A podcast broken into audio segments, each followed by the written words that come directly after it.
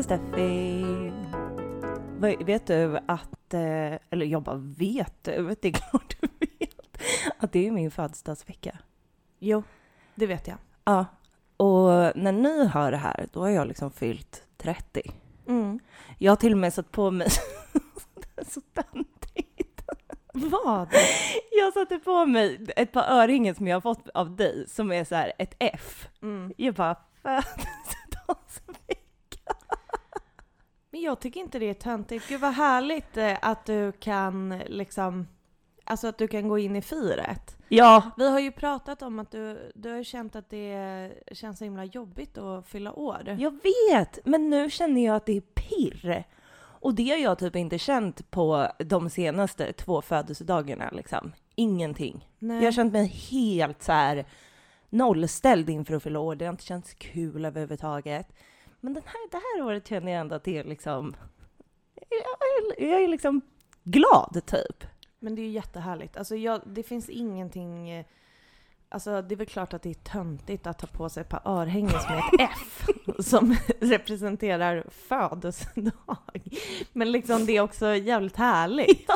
Alltså jag är jätteglad att du kan känna att det ska bli kul. Liksom. Jag med. Jag är verkligen det. Ja, och eh, ja, alla lyssnare, ni får stay tuned för att eh, jag kan inte säga något idag när vi spelar in så har det ju inte varit din födelsedag. Nej. Det är ju typ två dagar kvar eller vad det nu är. Mm. Ehm, ja, men det finns saker planerade. Ja, jag vet. Och jag, äl- alltså jag älskar ju överraskningar. Ja, gud jag hatar överraskningar. Jag vet det. Men eller jag du, hatar inte överraskningar, jag gillar en överraskning men jag har inget tålamod.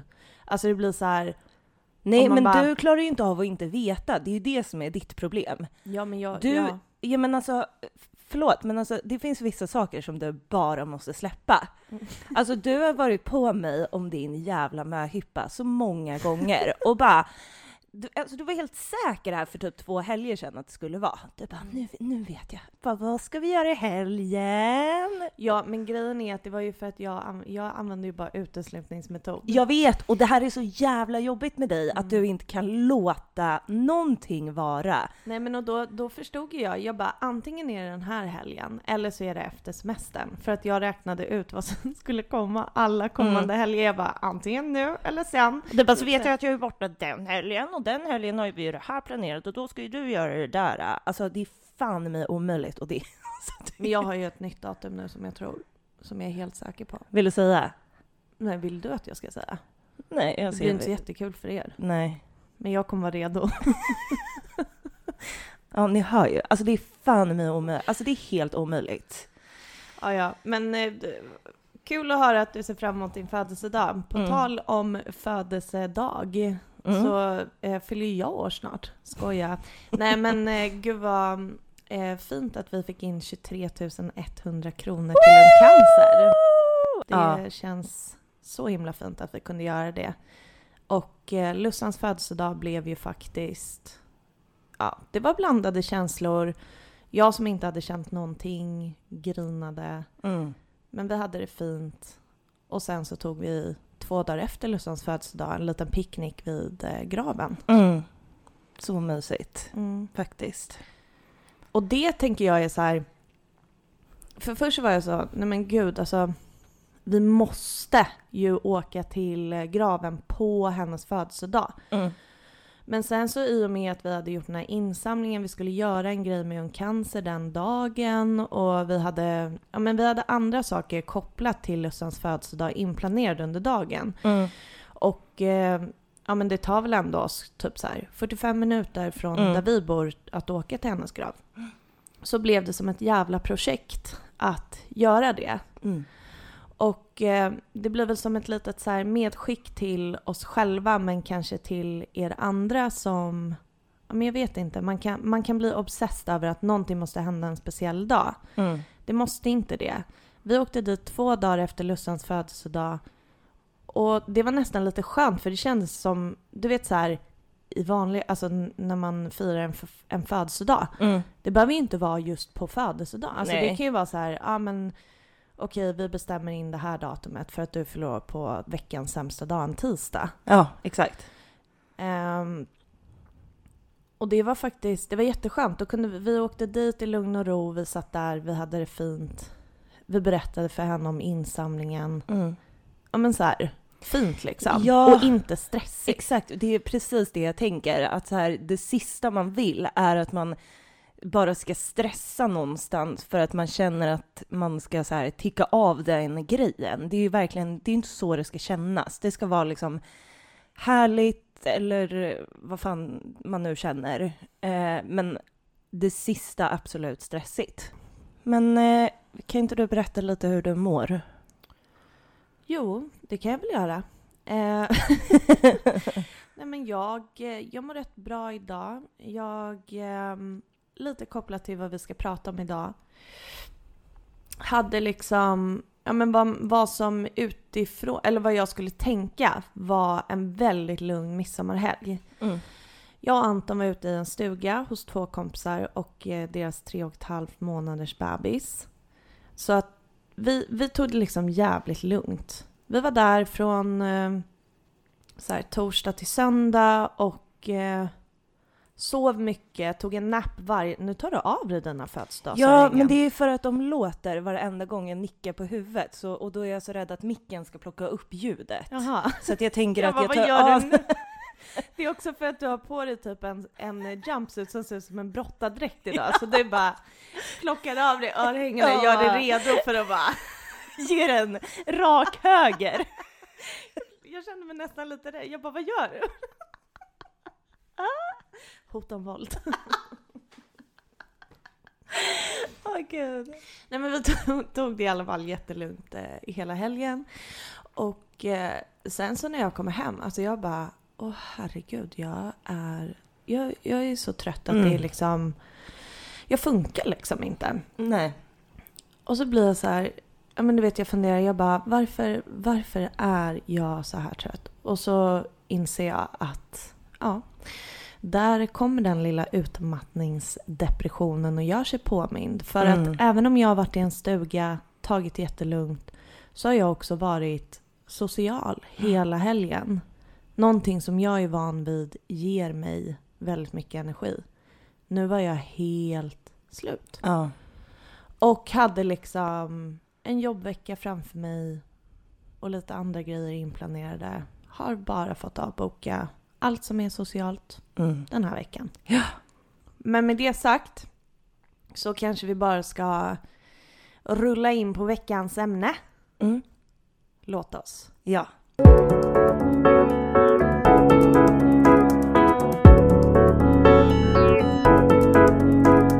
Idag ska ju vi prata om... Sommarsol och depression. Gud, du fick in både sång och dialekt väldigt tidigt i det här avsnittet. Ja. Snyggt! Har jag sjungit idag? Ja. Du, du, du, du, Jaha, men det kommer inte de höra. Nej. Det är ju bortklippt. det var ju jag som eh, lajvade mellan, mellanspelet. Jaha, det kommer okej. inte de höra. Ah, ja, det kommer säkert någonting It's for snart. your ears only. Sommar, sol och depression. Sommar och Sol och vi har depression och vi vill... Alltså det passar ju inte riktigt att bara, och vi vill ha dig Markoolio. Eller gör det eh, kanske det. Kanske. Om det är något som är sommar, sol och depression så är det Markoolio. Skoja. Eller? Nej, jag älskade, alltså jag var ju besatt av Markoolio när vi var små. Ja, det var det. Men det är inte det vi ska prata Nej. om.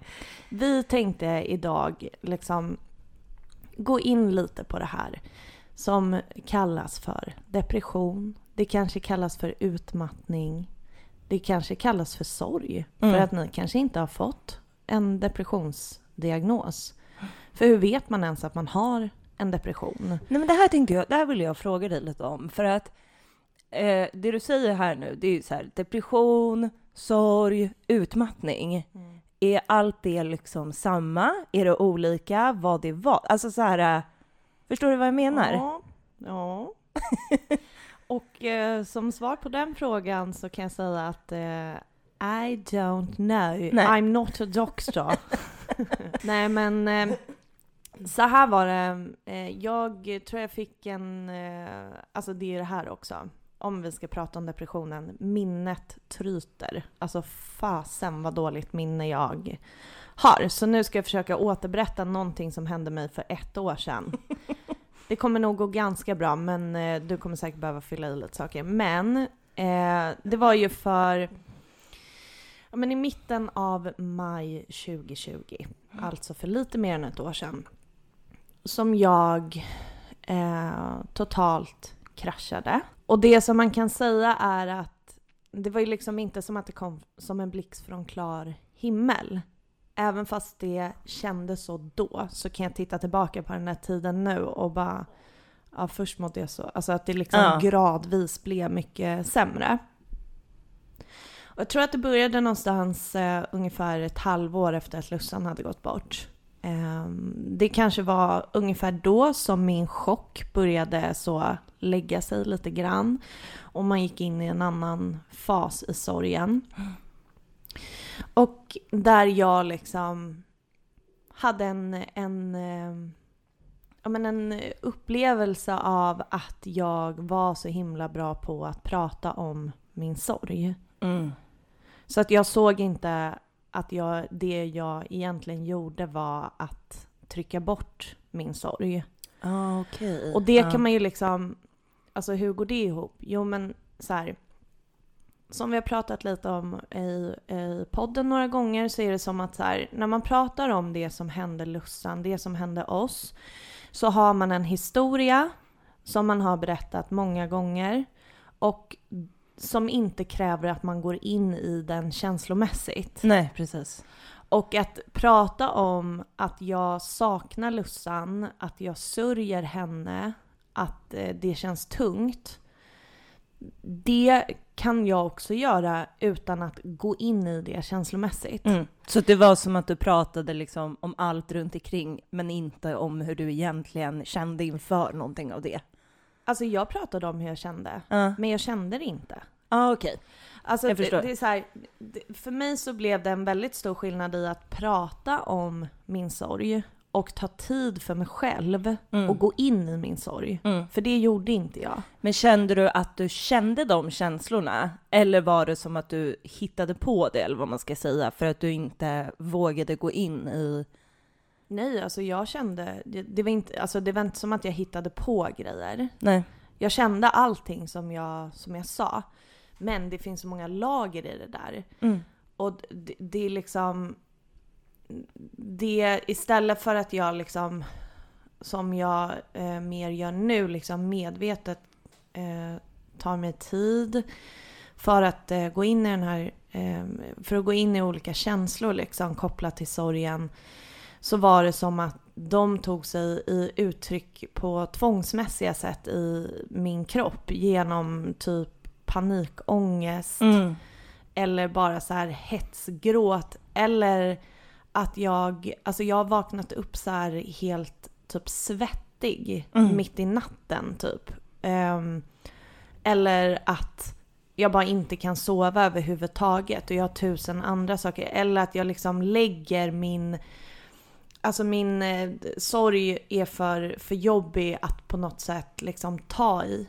Så att jag lägger den, de jobbiga känslorna i andra saker Mm. och får ångest över massa andra saker. Okej. Så blev det för mig. Som typ vad då? Alltså vad la du dem i typ? Kanske i jobbet, Ja. kanske i eh, andra relationer i mitt liv. Vi pratar om det här med liksom att ilska är en sån stor del av sorgen. Eh, och det kände jag ju väldigt starkt för alltså förra våren. Det var så jävla lite som skulle till för att jag skulle vara, alltså jag var så arg och du vet så här, jag kände, åh, jag, Mm. alltså. Jag kunde vara arg på, ja men på dig eller på Anton, alltså på personer jag jobbar med, på vänner, alltså så här, på en random människa, alltså nu träffar man ju ingen random människa förra Nej. året så det, det blev men du vet så här. Det här är ett exempel, vi bor ju precis vid så här en, en, ett naturreservat. Mm. Eh, så förra våren när vi började jobba hemifrån så gick vi ju så jäkla mycket promenader. Mm. Vad som också händer i de här spåren det är att det är väldigt många som cyklar. Det är väldigt många med 40-årskris som cyklar, som ska cykla snabbt. Det luktar Men- 40-årskriser om Ja, den nej men naturreservat. äh, verkligen. Och du vet så här. Jag skrek på cyklister. Ja, det gjort. Om de inte hade hjälm, jag bara HJÄLM! Eller om de inte plingar, jag bara PLINGA! Alltså, Och vägrade också så här gå ur vägen om Nej, de inte plingade. men Du vet bara, du, alltså på ett sätt. Jag, jag känner inte samma ilska inåt i mig själv. Men jag kan ju fortfarande känna så här. Vet du vad? Om du kommer cyklande bakom mig, då Mm. plingar du. ja men det Du kan jag. inte anta att jag ska bara höra Nej. att du är liksom approaching. Plus att jag tror inte ens att det är tillåtet att cykla i alla de där spåren. Nej, jag vet inte hur det funkar. Nej, det Men- här är en annan fråga. Men grejen är, jag tänker att så här, skillnaden är väl att nu kan du så här, eh, ja du kan störa dig men du blir inte förbannad. Det låter ju inte det så här get to you på samma alltså jag blir sätt. inte så arg att jag eh, liksom skakar. Nej. Vilket jag var då. Mm. Så det kanske var någonting sånt eh, som där jag liksom la annan, eller så här ångest, sorg, whatever, Mm. typ. Men sen så började det bli eh, väldigt tydligt när jag började jobba hemifrån i mars förra året. Eh, att då på något sätt stannade liksom livet upp väldigt mycket. För att man behövde inte, ja ni vet hur det var. Skitsamma. Ehm, då fick jag väldigt mycket tid för mig själv. Jag fick Mm. tid att stanna upp på ett sätt som jag inte hade gjort sedan Lussan gick bort. Och då kom väldigt mycket ifatt mig. Och då så, alltså det som jag började liksom märka var ju typ så här att, ja men herregud, vi har så här incheckningar på jobbet. Eh, och i varje sån så satt jag, jag satt och grät. Mm. Jag satt och berättade att jag inte hade sovit. Och så var det varje morgon. Mm. Varje morgon. Och jag tyckte typ inte att det... Alltså det är det här som är också nästa fuck up. Att så här, jag tyckte inte det var så konstigt. Nej. Alltså nu när jag tänker på det bara, okej, men jag satt så här på jobbmöte varje dag och grät och bara, jag har inte sovit typ. Jag bara, men nu kör vi! Ny dag, nya möjligheter! Alltså, Fan alltså. Nej men då tyckte jag, ja. Så att, eh, och så det, det eskalerade och eh, panikångesterna blev fler, sömnen blev mindre och mindre och eh, ja men i mitten av maj så skulle jag ha, det heter ju inte utvecklingssamtal. Men, Medarbetarsamtal. Ja. Och eh, då var det tio sekunder in i det eh, samtalet som jag bara gick sönder Mm. och började gråta så mycket och bara det här går inte längre. Nu Nej. går det inte längre. Jag, det, jag måste sjukskriva mig. Ja. Det var absolut inga konstigheter så, men jag fattade fortfarande inte att jag hade en depression. Nej. Utan Men- det var sen när jag gick till läkaren. Ja, men du tänkte väl också från början, alltså jag kommer ihåg när vi, när vi pratade om att du tänkte på att sjukskriva dig. Då pratade du, du om några veckor. Alltså typ två veckor skulle du vara sjukskriven på heltid och sen så kanske två veckor på halvtid. Och sen så, det var liksom det Alltså- man behöver. Där har jag glömt. Ja. Fan vad sjukt. ja men alltså vad man tror liksom, man bara tror du att du liksom bara behöver några veckor verkligen? Vi trodde ju det båda. Du Ja, bara, det låter jättebra. Ja. Säger jag som inte ens minns den här konversationen. Men, nej men eh, det var liksom sen när jag kom till eh, läkaren som skulle sjukskriva mig. Som han bara, du vet, man, man, man får eh, fylla i olika frågeformulär, det, man liksom sitter i ett samtal och så gör de en så bedömning efter ett tag och bla bla. Han bara, du har en svår eh, depression. Jag bara, come again? Alltså jag bara, svår? Nej, alltså du vet såhär, jag bara, jag har lite sömnproblem, det är det. Typ såhär, Mm. han bara, och panikångest och lilla och lilla. Mm. Så att han var så här, ja, eh, vi ska sjukskriva dig minst en, eh, en månad till att börja med för att eh, jag trodde ju att det skulle räcka. Mm. Eh, och sen så var han typ så här, och eh, så kanske du ska börja käka några antidepp typ. Jag bara, nej det behövs inte. Det behövdes. Mm. Började med det. Men nu börjar den här historien bli så himla eh, lång liksom. Det här frågar jag mig alltid typ så här, okej, med facit i hand. Mm. Varför var det ingen som tog tag i Mikaela Grypenberg? Ja, verkligen. Alltså det är så sjukt. Och med någon så menar jag ju återigen, jag menar ju inte dig. Nej. Jag menar inte Anton, jag menar inte mamma och pappa. Jag menar alltså så här. Men du vet, ett steg bort människor. Som inte Mm. är liksom invävda i den här sorgen. Eller drabbade liksom direkt, Direkt. typ. Ja. Så här, var, var var ni någonstans? Nej. Alltså I'm sorry, men var, var var ni? Mm. Och det här liksom, det, det, handlar, det handlar heller inte om enskilda individer i just mitt liv. Och det handlar inte om att jag är ensam om den här erfarenheten. Mm. Utan det handlar om, hur fan är vi mot varandra? Mm. Varför? Varför tog ingen tag i mig? Nej, men det är ju liksom intressant att liksom alla ämnen vi typ någonsin har pratat om i den här podden landar ju någonstans i exakt det. Att så här, vad var omgivningen? Var fanns ni? Och det måste liksom, ja, det bara måste bli så jävla mycket bättre. Ja, men jag tänker att det är det, alltså den blir ju det. Ja. Genom vår podd. Ja. Ni skriver ju det till oss. Och det är ju så himla bra. Mm. Och Men- vi är ju liksom inte här för att skuldbelägga någon. Det är inte det det handlar om. Utan mer så här inte. ifrågasätta typ lite vad, vad, liksom varför tar vi inte tag i varandra? För när jag tänker på att han bara, min läkare då, du har svår depression. Mm. Det finns liksom olika grader i det där som man kan ha. Och eh, ehm, alltså jag tänker bara att depression är psykisk ohälsa och alltså om psykisk ohälsa får gå för långt så kan man faktiskt, så kan det bli så att man börjar tänka liksom på att inte vilja leva längre. Och så här att Mm. fan kom igen, nu gör vi det här för varandra. Alltså så här, vi måste haffa varandra tidigare. Mm. Och så här checka varandra. Verkligen.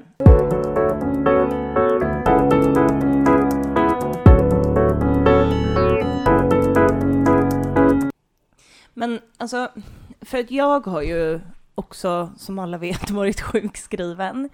Ehm, och eh, ätit eh, antidepp också. Men jag var ju liksom inte... Du, Men du äter väl antidepp nu? Eh, Jag äter Ja. antidepp, ja precis. Men du var ju så här, äh, du tog ju tag i mig ganska tidigt eller vad man ska säga.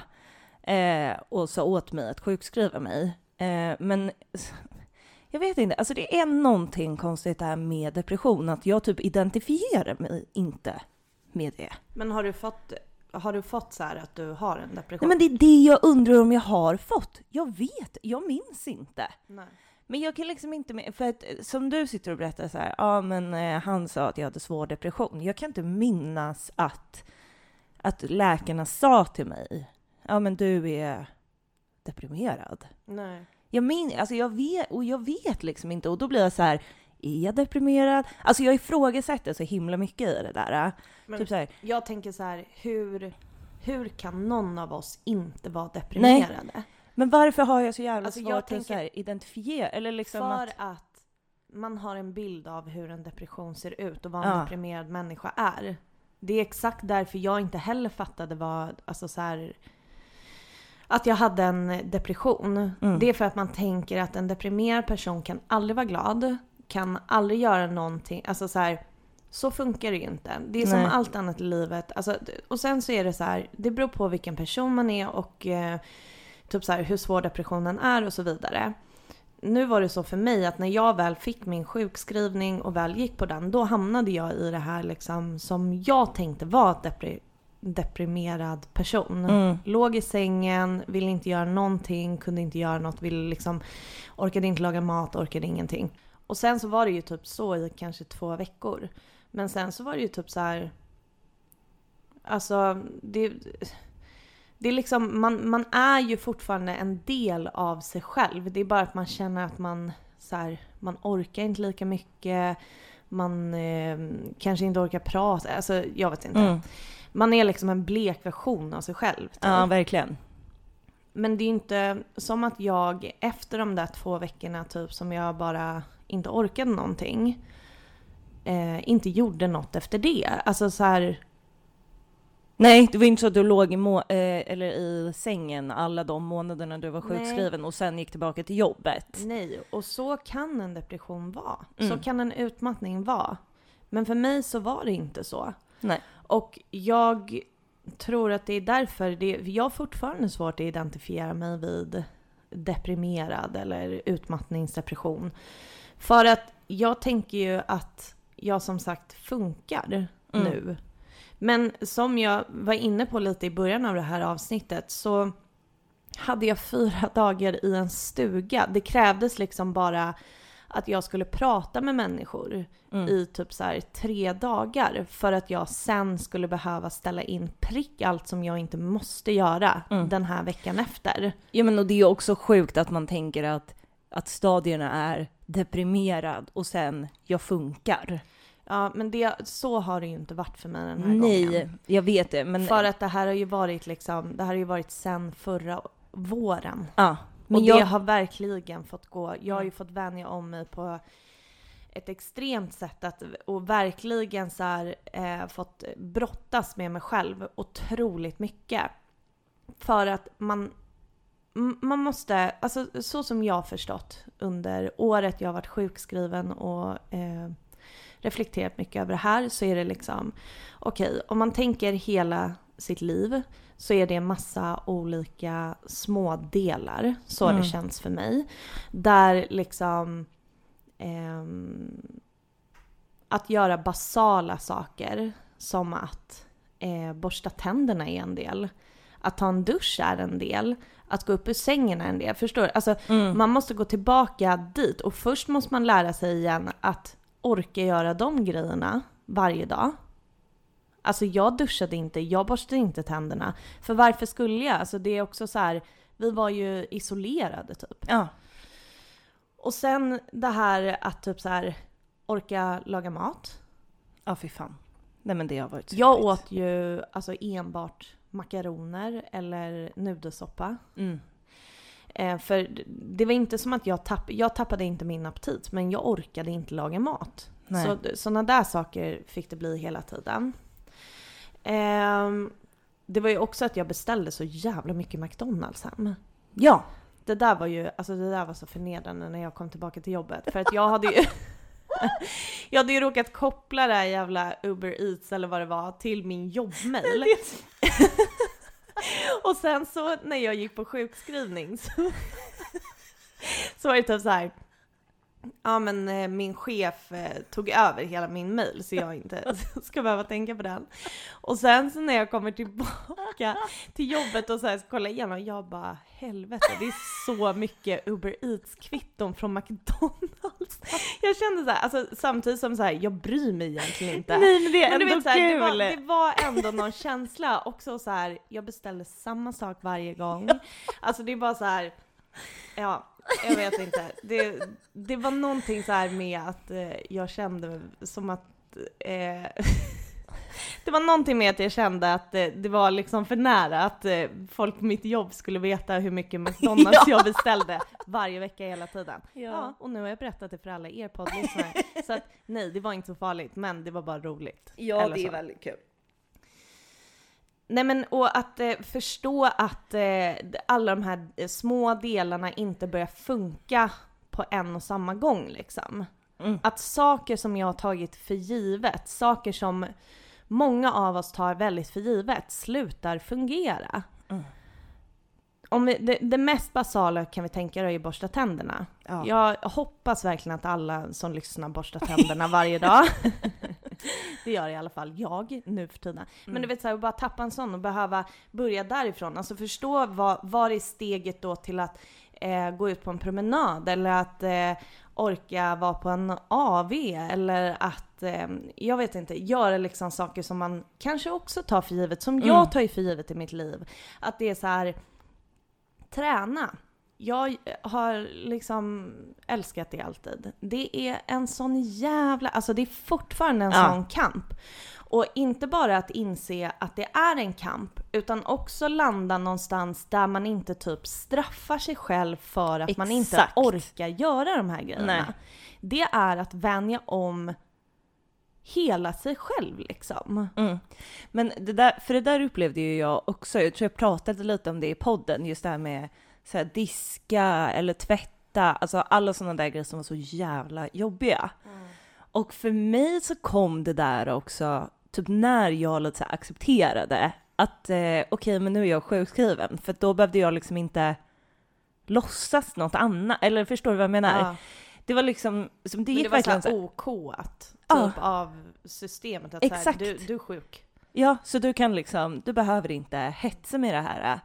Och eh, men jag vet, det, är liksom, det gick verkligen så från en dag till en annan. Och jag strugglar liksom fortfarande, inte alls på samma sätt som jag gjorde innan, men jag strugglar fortfarande med vissa grejer. Ja, men det gör jag också. Ja. Och då har jag, alltså jag har gjort en sån resa i mig själv och det, det har varit jättejobbigt. Ja. Alltså det har varit fruktansvärt jobbigt att, ja men till exempel det här med att eh, laga mat som jag alltid har sett som någon så här avkopplande grej. Nu har det typ börjat kännas lite kul igen att Mm. hålla på. Men det är i ärlighetens namn, det är ju Anton som typ har fått laga mat till oss och du när du liksom bodde här. Mm. Och eh, träningen, eh, inte ens träningen utan bara gå ut på en promenad. Fortfarande jättesvårt. Jättesvårt att eh, acceptera att jag inte orkar det sociala på samma sätt. Jag måste ständigt, eh, alltså jag är ju fortfarande väldigt liksom bra på att boka in massa saker men sen så bokar jag också av tusen Mm, saker. Och det, det är liksom, det är, inte, det är inte kul och det är inte lätt att göra den här resan. Men det är värt det. För Mm. att det finns liksom ingen annan resa man kan göra om man ändå ska försöka må lite bra. Nej, men det går ju liksom inte att ignorera.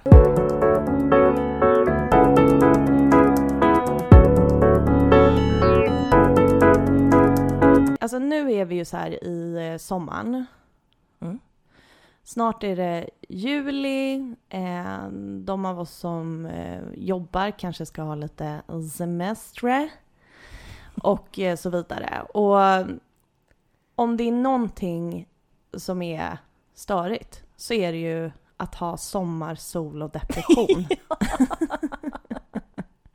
För vad fan gör man med det? Alltså vi bor i? Sverige. Hur Ja. många timmar sol har vi på ett år? En Nej, men- timme ungefär. Ja, men... Uh, Och den vill man ju liksom eh, carpa the fucking DM out of. Ja. Men det är liksom, jaha, men om man inte orkar då? Alltså Nej. hur, hur har du, hur känns det för dig? Orkar du vara ute i solen? Nej, absolut inte. Nej, det är Alltså- inte depression. Det är säng, fördragna gardiner och depression. Ja. Alltså, Nej, ja, men det inte alla dagar, Nej. men absolut vissa dagar. Alltså jag har inte, jag har inte orken att karpa varenda solig dag när det är sol typ hela tiden just nu. Mm. Alltså det går, det går inte. Jag har inte energin. Vissa dagar vill Men jag när bara... det är sol hela tiden? Alltså jag, men om det bara regnade och så kom det en solig dag då? Ja. Nej men för det... att så var det typ för mig. Eh, att så här, även om det bara kom en soldag, jag orkade inte gå ut i den. Nej.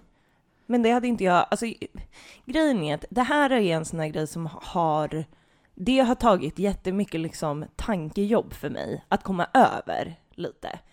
Ehm, för att för mig så kändes det som att jag nästan var tvungen förut att gå ut när det var den där soldagen. Men jag känner, alltså jag känner inte Men vad det. är det för tankejobb du har gjort då? För att jag tänker typ så här. Hur, hur ska man göra? Hur ska man tänka för att, för att inte känna den där pressen? Alltså för mig så har det varit jättemycket om att lära sig att känna in alltså, sitt eget mående. Att eh, verkligen alltså, så här, fråga sig själv typ, orkar jag det här? Hur mår jag idag? Vad behöver jag idag? Ehm, och sen bara lyssna på exakt vad jag känner. Om jag känner att så här, jag orkar inte, då orkar inte jag. Oavsett liksom vad det är för dag ute. Eh, det är väl typ så jag har gjort, men jag vet inte. Alltså, tänk först innan du drar upp persiennerna typ. Och bestäm dig. Och sen se vad det är för väder och bara, ja ja.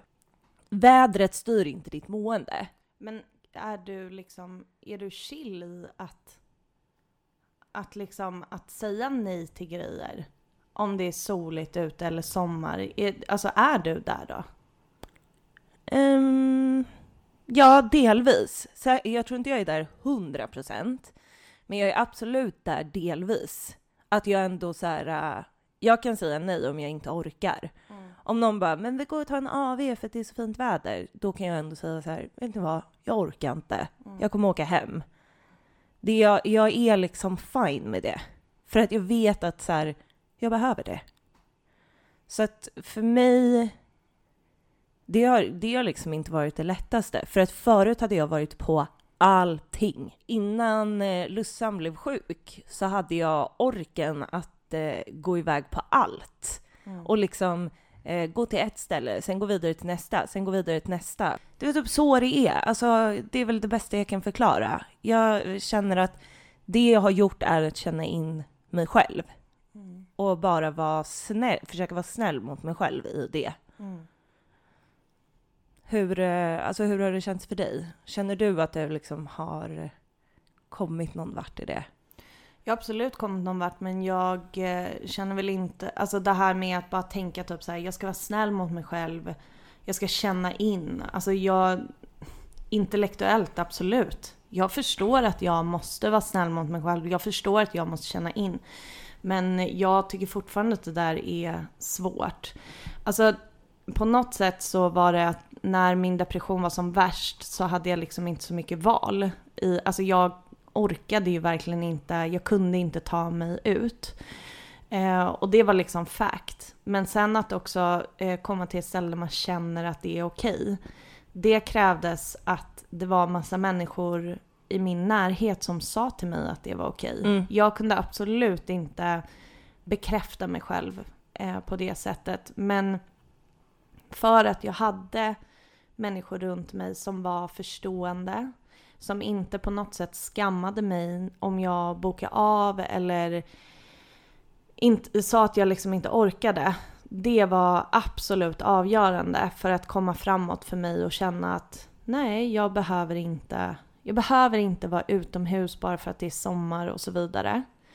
Men det är också en så här fin balans mellan de där grejerna för att när man börjar liksom kanske bara vara inomhus alldeles för mycket, då kan ju det nästan späda på det dåliga måendet. Så ja, det, det, är liksom, det är verkligen viktigt för eh, oss som står runt en person som, som är utmattad eller deprimerad att ha stor förståelse för att man inte orkar men också vara lite så här, ja men som vi har varit inne på lite med sorgen, typ så här, fråga inte massa saker. Bara säg typ så här, ska inte du och jag gå och sätta oss utanför din port? Mm. Alltså det behöver inte ens vara, ska inte du och jag gå nu för att det är jättebra, dopamin, endorfin och Nej. promenad typ. Alltså säg inte till mig att jag ska gå en promenad. Men sätta sig bara utomhus, Ja. balkongen om man har det. Alltså du vet, någonting sånt. Mm. Ska inte jag komma och laga lunch till dig, middag? Alltså Eller bara, jag kommer till dig idag och Ja. lagar den där lunchen. ja. Och om det är typ så här, jag orkar inte prata. Nej, då orkar du inte prata. Nej, Det spelar ingen roll. nej. Men för mig absolut avgörande och jag behöver fortfarande hjälp med bekräftelse från andra Mm. att liksom att det är okej att jag inte är och orkar det jag en gång gjorde. Men det, ja, och det där vill jag, det där, det där vill jag också tillägga. Att så här, för mig var det inte heller att jag kom själv fram till alla de här insikterna. Utan det är ju också precis som du säger, det är ju tack vare jättemycket dig till exempel och Mm. liksom vänner och familj. Eh, verkligen. Det är, det är ju typ avgörande Mm. för att man ska börja lära sig själv. Mm. Och det som, men det som jag själv har gjort, det är ju typ att ehm, jag brukar ju liksom bolla med antingen dig eller Anton. Ja, nu är det den här veckan, allt det här är inplanerat. Jag fattar inte riktigt vad som är nödvändigt och inte. Vad ska jag ta bort? Mm. Och så hjälper ni mig med det. Mm. Men det är olika, det är olika faser i eh, utmattning eller depression och så vidare. Men det är också jätteviktigt, vill jag tillägga, att du får den professionella hjälpen som du förtjänar. Mm.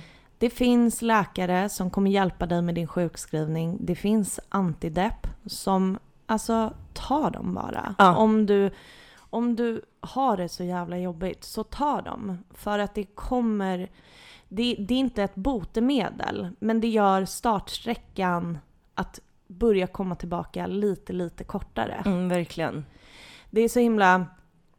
jag vet inte, det ligger någon konstig så här prestige i eh, att man inte ska typ ta hjälp av så här tabletter. Ja. Men varför då? Alltså, jag, jag kommer fortsätta på de här antideppen för alltid om det är det som krävs för att jag ska orka liksom. Mm. Och så är det med det. Nu har jag möte om två minuter.